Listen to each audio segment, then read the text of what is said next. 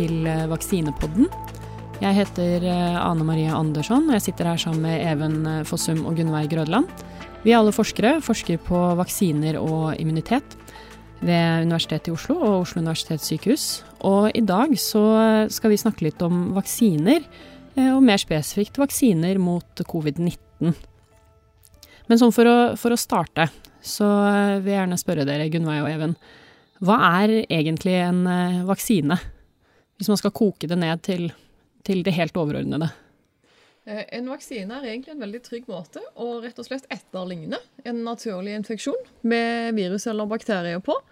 Eh, det du gjør, er at du tar og bruker enten et helt ufarliggjort virus eller en bit av det som du introduserer til eh, kroppen for å etterligne de immunresponsene som kroppen ville ha dannet mot eh, det farlige viruset eller bakterien.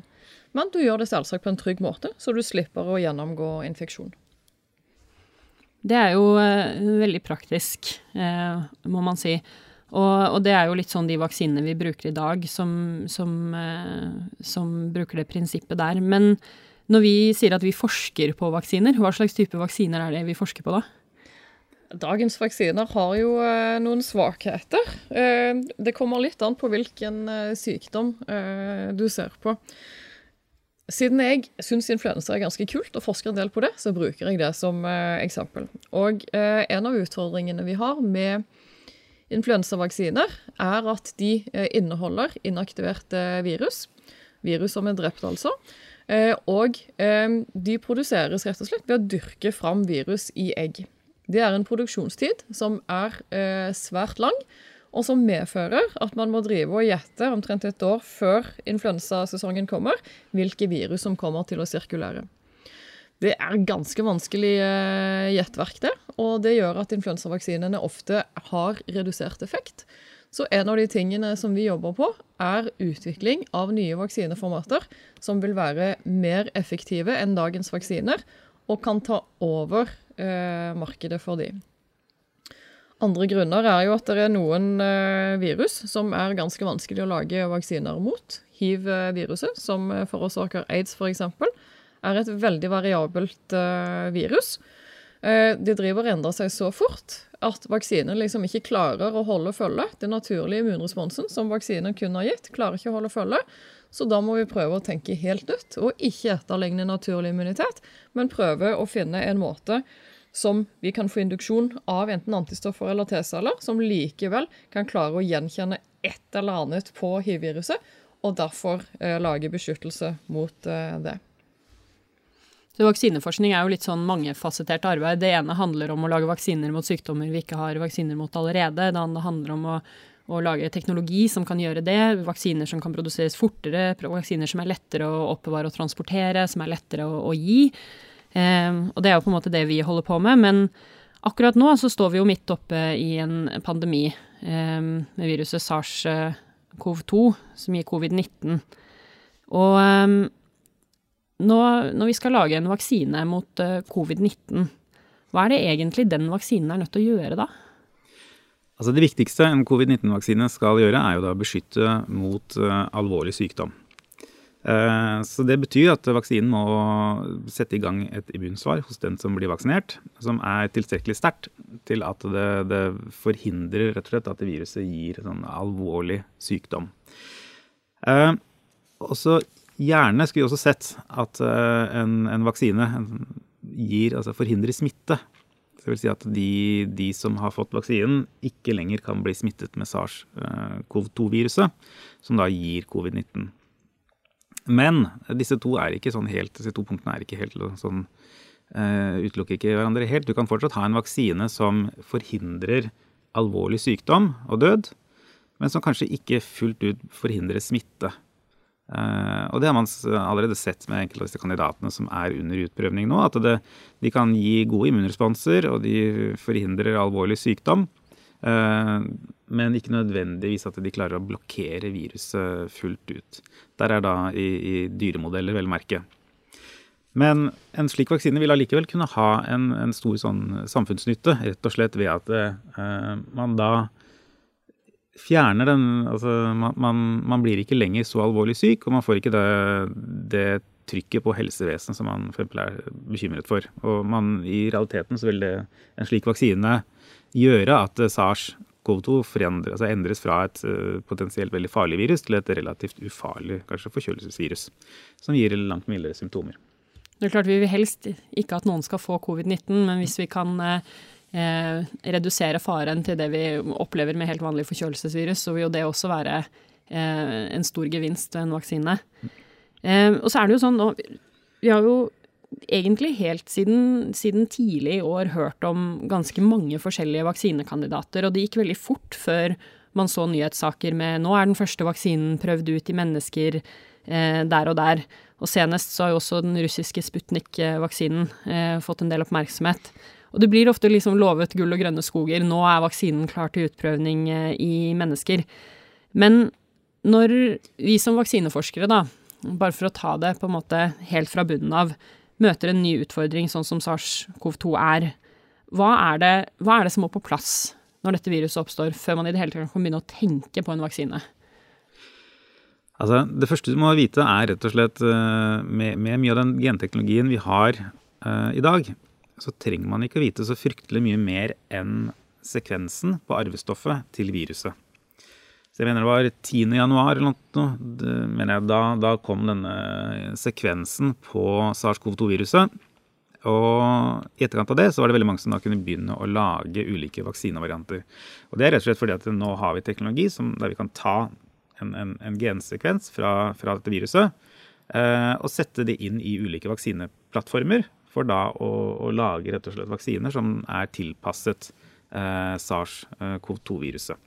Eh, og Det som viste seg, eller det som skjedde helt i begynnelsen, var selvfølgelig at veldig mange tok eksisterende vaksiner som de hadde lagd for, mot andre virus, eh, enten det da var koronavirus eller eh, relaterte, og rett og slett tilpassa dem for å skulle fungere mot SARS-CoV-2-viruset på bakgrunn av disse, den, disse sekvensene av arvestoffet som ble, ble, lagt ut.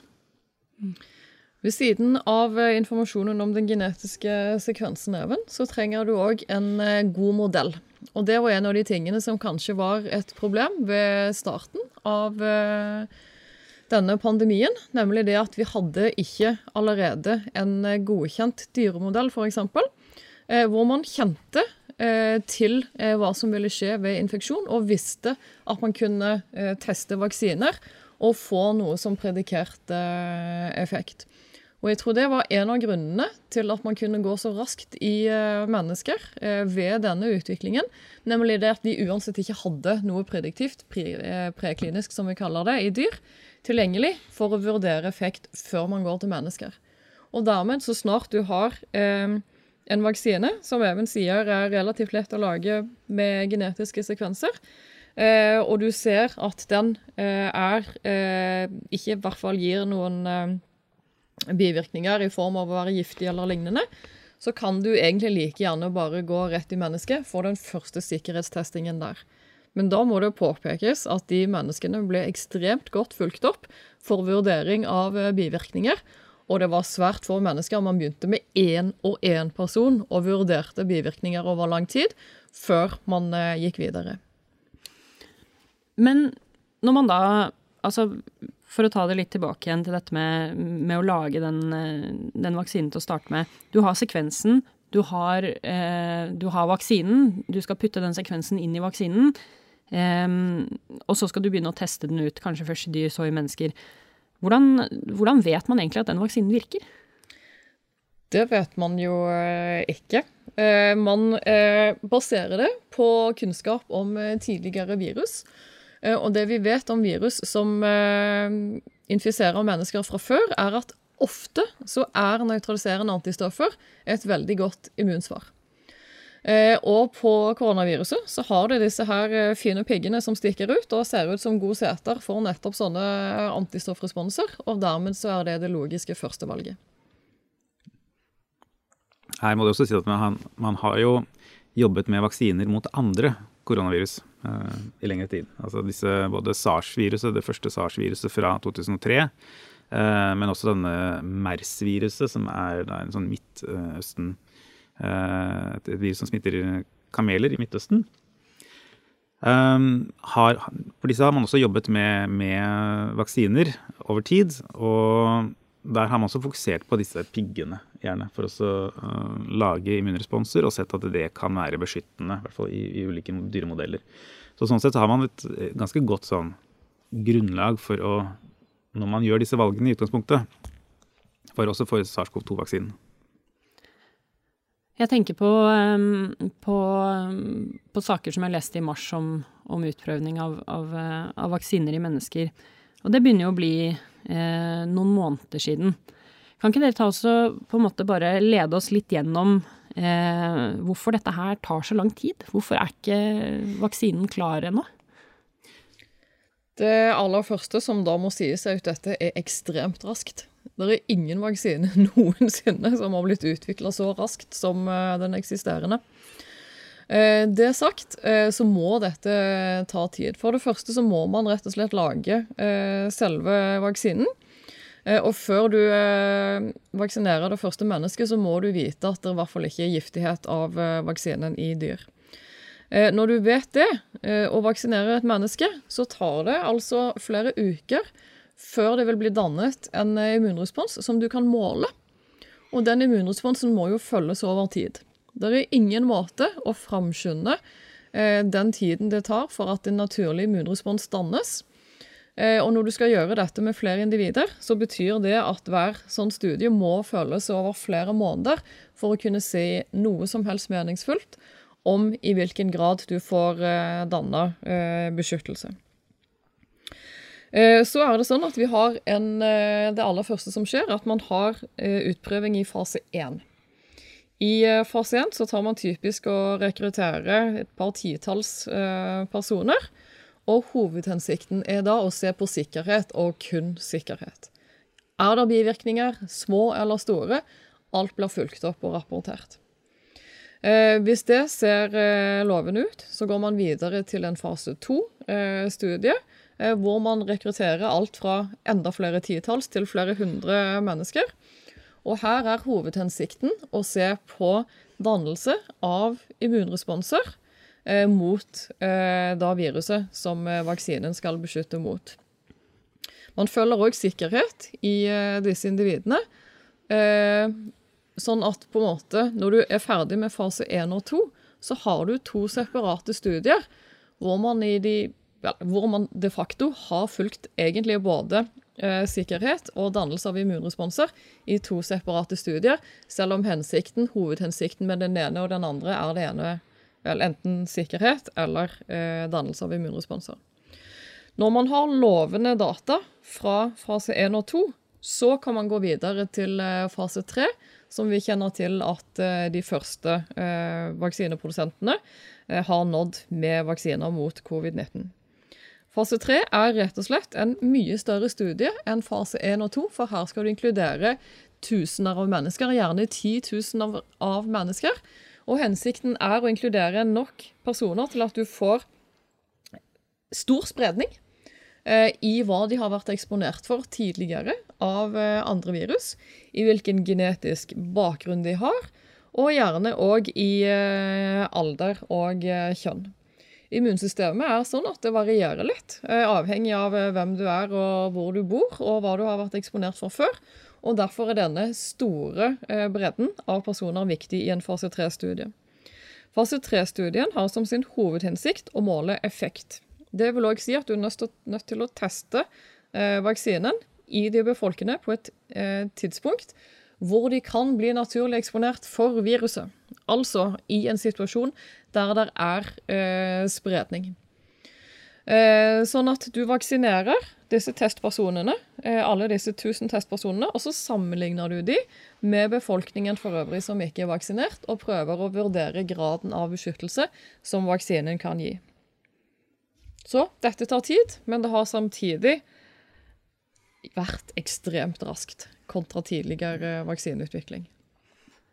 Og det er jo klart at uh, I en situasjon som vi er i nå, så er man jo nødt til å fast-tracke uh, vaksineutviklingen. Og det har virkelig uh, blitt gjort også. Og det er jo noen av vaksinekandidatene som Sigrun Vei som allerede er i fase tre utprøvning for å faktisk se om de fungerer.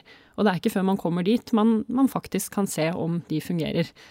Um, men så nevnte du også at man ser på sånne såkalte korrelater til immunitet. Altså hva er det egentlig som beskytter? Men hva vet vi egentlig om det for covid-19? Problemet er kanskje at vi ikke vet så fryktelig mye om, om akkurat det. Om, om, hva det er som gir beskyttelse for covid-19. Det, eh, eh, det er kanskje en forventning at antistoffer som kan blokkere, altså antistoffer mot denne taggen på viruset, kan blokkere det fra å infisere celler. Man vil forvente at den type antistoffer, hvis man får tilstrekkelige mengder med den, såkalte nøytraliserende antistoffer, at de vil beskytte deg mot infeksjonen.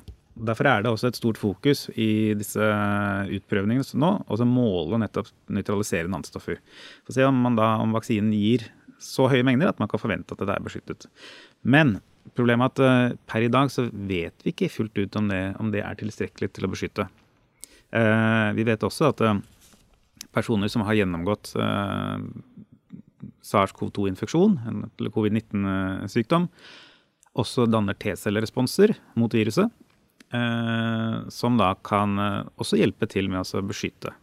Eh, de vil nok i mindre grad kunne hindre infeksjon, men allikevel kunne beskytte mot alvorlig sykdom. Så nøyaktig hva som er det optimale å indusere, mest sannsynlig så vil det være å få en kombinasjon av det. At du har en vaksine som på den ene siden induserer gir gode antistoffresponser, og på den andre siden gir eh, T-celleresponser, slik at du har en sånn kombinert eh, angrepsmetode fra immunforsvaret for å stoppe viruset. Men det gjenstår rett og slett å se, så her er det fortsatt ganske mye vi ikke har full kontroll på. Så egentlig så, så, vil jo jeg tenke at det er ganske utrolig at vi har kommet så langt som vi har kommet, når du på den ene siden skal gjennom alle disse fasene, ikke sant, med med først preklinisk og så én, to og 3, og så skal du se om du får noen korrelater til immunitet, og så skal du se om det beskytter, når vi samtidig ikke vet hva de korrelatene til immunitet er. Så de må vi finne ut av samtidig. Eh, og da er det jo ganske utrolig at eh, det nå er under et år siden det viruset oppsto, og vi allerede har vaksiner i fase tre-utprøvning. Så det har gått fort. Jeg har også lyst til å snakke litt om, eh, om dette med med immuniteten. fordi vi har jo nå fått en del rapporter etter hvert om enkeltsaker hvor folk som har vært smittet av covid-19, ser ut til å kunne ha blitt smittet igjen eh, med et virus som kanskje har, eh, har, utviklet seg siden første gang eh, de var smittet. Hva har det å si for vaksineutviklingen der den er nå? Det relateres jo veldig direkte til et uh, korrelat uh, for beskyttelse. Uh, og det vi pleier å si, er at gullstandarden for å identifisere et korrelat for beskyttelse, er å se hvilken type immunrespons som beskytter etter naturlig infeksjon. Naturlig infeksjon gir stort sett den beste beskyttelsen. Det er på en måte klassisk immunologi. Hvis en naturlig infeksjon faktisk ikke beskytter, så betyr jo det at når vi skal identifisere hva som er mest relevant for beskyttelse, så kan vi ikke se på naturlig eh, infeksjon.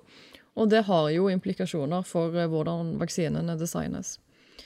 De aller fleste som eh, lages nå, har basert seg på spike-proteinet. Når vi ser på naturlig immunitet, så dannes òg den veldig mye mot spike-proteinet, men òg mot andre proteiner på viruset. For vaksineutvikling, siden vi ikke helt vet hva dette korrelatet til beskyttelse er, og spesielt siden vel, det har vært reinfeksjoner som gir grunn til å lure på hva som egentlig foregår, så er det jo en kjempefordel at det testes ut mange forskjellige vaksiner. Da får vi mulighet til å vurdere mange ulike typer med immunresponser isolert sett, og vurdere over tid hva som faktisk kan gi en eh, beskyttende effekt. Um, det har jo eh, også vært litt oppmerksomhet på Russland eh, nylig, og deres eh, Sputnik-vaksine. Eh, hvor det også har blitt slått litt tilbake eh, med, med, skeptikere som mener at, at, at, det kanskje ikke er, er veien å gå. Hvorfor er det egentlig grunn til å være skeptisk når, når Russland annonserer på den måten de har gjort at Sputnik er løsningen på covid-19-pandemien? Jeg lurer på om det egentlig er en uh, liten misforståelse. Fordi uh, hvis du ser på eh, mediedekningen, så har den helt siden eh, april av eh, vært veldig bastant på at nå har vi klar en ny vaksine til bruk i befolkningen. Eh, og det har vært pressemeldingene fra fase 1-studier til fase 2, og nå òg for eh, fase 3. Og så er spørsmålet da, når er egentlig denne vaksinen ferdig? Når kan du si at eh, du har en ferdig vaksine? Og for befolkningen så tenker jeg at eh, de fleste vil oppfatte at det er når du faktisk har den godkjent til utstrakt bruk i befolkningen. Mens fra eh, en immunolog sitt synspunkt, eller eh, en som tester ut en vaksine, så kan jo den vaksinen være ferdig når du starter utprøving i mennesker. Fordi det eneste du da skal sjekke, er om man er trygg og funker. Men vaksinen er jo ferdig. Og alt imellom er jo riktig. Eh, når det gjelder eh, Russland mer eh, spesifikt, så har jo de gjennomført både fase 1 og 2. og det ser ut til at de faktisk òg vil gjennomføre en fase 3-studie i helsepersonell. I hvert fall har de sagt at de skal sjekke denne vaksinen i titusener av helsepersonell før de faktisk bruker den på befolkningen generelt. Og det er jo det samme som en fase 3-studie. Så det vil si, bortsett fra at de har hatt en litt annerledes kommunikasjonsstrategi, så har de gjort det samme i praksis som alle de andre vaksineprodusentene. Altså Det som kanskje er viktig å ha i bakhodet også, at den selve den, den Sputnik-vaksinen er jo, altså Den baserer seg jo på lignende teknologi som flere av de andre vaksinene som faktisk er under utprøvning nå. Uh, og det er en såkalt sånn adenovirusbasert vaksine. Dvs. Si at man bruker et, et, annet forkjølelsesvirus for å levere uh, en bit av SARS-CoV-2-viruset til celler. Slik at uh, immunforsvaret vårt kan, kan respondere på denne, denne biten av SARS-CoV-2-viruset. Så når man ser på sånn teknologien som, er, som, ligger bak den Sputnik-vaksinen, så er jo den uh, egentlig veldig lik mye av det andre. Så det er ikke noe i veien for den strategien de har valgt. Men det som kanskje det ble reagert uh, ekstra sterkt på, var at de valgte å godkjenne den på et uh, veldig tidlig tidspunkt. før det egentlig var kommet data på om, om vaksinen ga beskyttelse i noe særlig grad. Og det var heller ikke, selv om måte, det, det, har vært gjennomført sannsynligvis sånn fase 1, fase 2 studier, så var det vel heller ikke noe publisert på dette. Så det var liksom veldig lite informasjon tilgjengelig på hvor trygg vaksinen var, hvilken dose man måtte gi den, hvilke immunresponser den ga, og heller ingen informasjon om eh, i hvert fall tilgjengelig informasjon om, om den faktisk gir beskyttelse. Så det er nok kanskje mer det folk har respondert på, eller folk har reagert på, enn selve eh, vaksinekonseptet i seg selv, tenker jeg. Mm. Har dere har dere noen favoritter blant de vaksinekandidatene som har kommet langt i, i utviklingen per i dag? Jeg har mange, og ingen, eh, i den forstand at jeg syns det aller viktigste er at det utvikles eh, mange forskjellige typer. Eh, som gjør at vi til slutt kan stå igjen med en som faktisk fungerer. Og siden vi vet så lite om hva som er den relevante typen immunrespons for å generere beskyttelse, så er det en kjempefordel at det testes eh, så mange. Det sagt, så har jeg alltid en preferanse for vaksiner som er basert på enten DNA eller RNA. men det er mest fordi det er det jeg jobber mest med selv. Så jeg syns det er veldig kult å se at for første gang så ser det ut til at den typen vaksineformater faktisk ligger i tet. Eh, og vi har fra før ingen vaksiner som er godkjent, eh, som inneholder DNA eller RNA. Sånn at det jeg jo håper på, sånn rent eh, personlig, er at SARS-CoV-2-pandemien representerer gjennombruddet for bruk av disse vaksineformene i befolkningen. Altså, Forskerne i meg syns også det er veldig stas med disse nye vaksineteknologiene som, som er på vei. Enten det da er sagt, disse DNA- eller RNA-vaksiner, men også disse, disse adenovirusbaserte, sånn som denne Oxford-vaksinen som det ofte refereres til. Der man har brukt en sånn sjimpansevariant av, av slik forkjølelsesvirus for å, å levere disse SARS-CoV-2-bitene til cellene for å få en immunrespons. Dette er ny og spennende teknologi og man er jo selvfølgelig veldig spent å se hvor, hvor effektive er disse her uh, når man faktisk kommer til stykket, og i hvilken grad gir de beskyttelse. Sånn, Realisten i meg er kanskje litt mer på det at uh, disse tradisjonelle, trauste, inaktiverte vaksinene kan nok godt være at, altså det kan godt være at de vil ha en større rolle når man ser liksom globalt på det, i i å faktisk dempe eller på stoppe pandemien. Rett og slett fordi de er ofte de er vel gjennomprøvd. Dette er teknologi som man har testet i stor grad før. Man vet mye om hvordan de fungerer. De kan ofte være billige å distribuere. og Sånn sett så vil de kanskje ha en større rolle tross alt når det gjelder å vaksinere sånn, hele globalbefolkningen uansett hva, så blir det i hvert fall spennende å følge med på vaksineutviklingen videre. Eh, og jeg tror kanskje take home message fra oss i dag er at eh, det som er mest oppløftende, er at det er så mange som utvikler vaksine, slik at vi har eh, større sannsynlighet for å lykkes med en av dem. Eh, så jeg tror egentlig at vi, vi avslutter der i dag. Jeg vil gjerne takke Morten Skoglund ved seksjon for medisinsk informatikk ved Universitetet i Oslo for teknisk produksjon.